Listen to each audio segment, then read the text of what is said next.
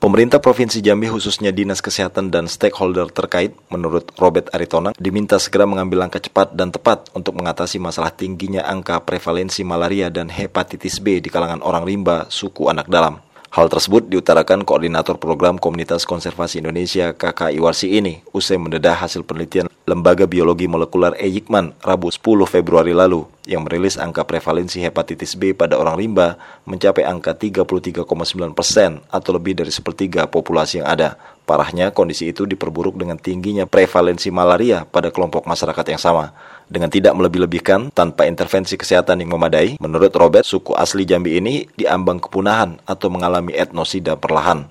Kalau disebut etno etnosaid, seakan-akan itu akan bisa langsung menghabiskan mereka eh, dengan segera seperti pembunuhan massal kan gitu ya.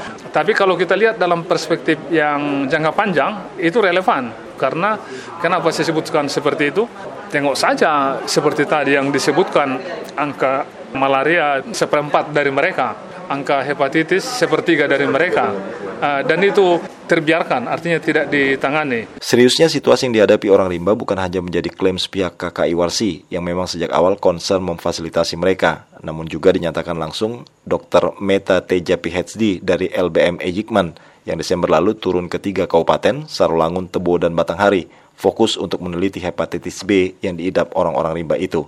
Menurutnya saat ini harus ada intervensi lintas kementerian dan Pemda untuk memastikan seluruh kelompok masyarakat terasing ini mendapat layanan kesehatan.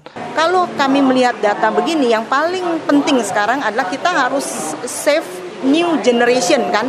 Bayi-bayi yang dilahirkannya itu kita putus mata rantainya.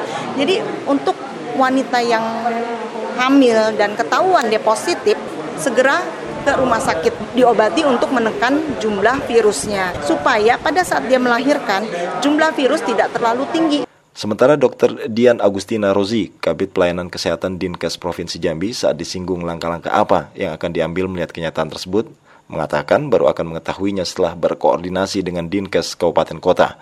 Namun hal konkret yang dilakukan jelasnya adalah pengobatan dan pencegahan bagi SAD yang belum terpapar.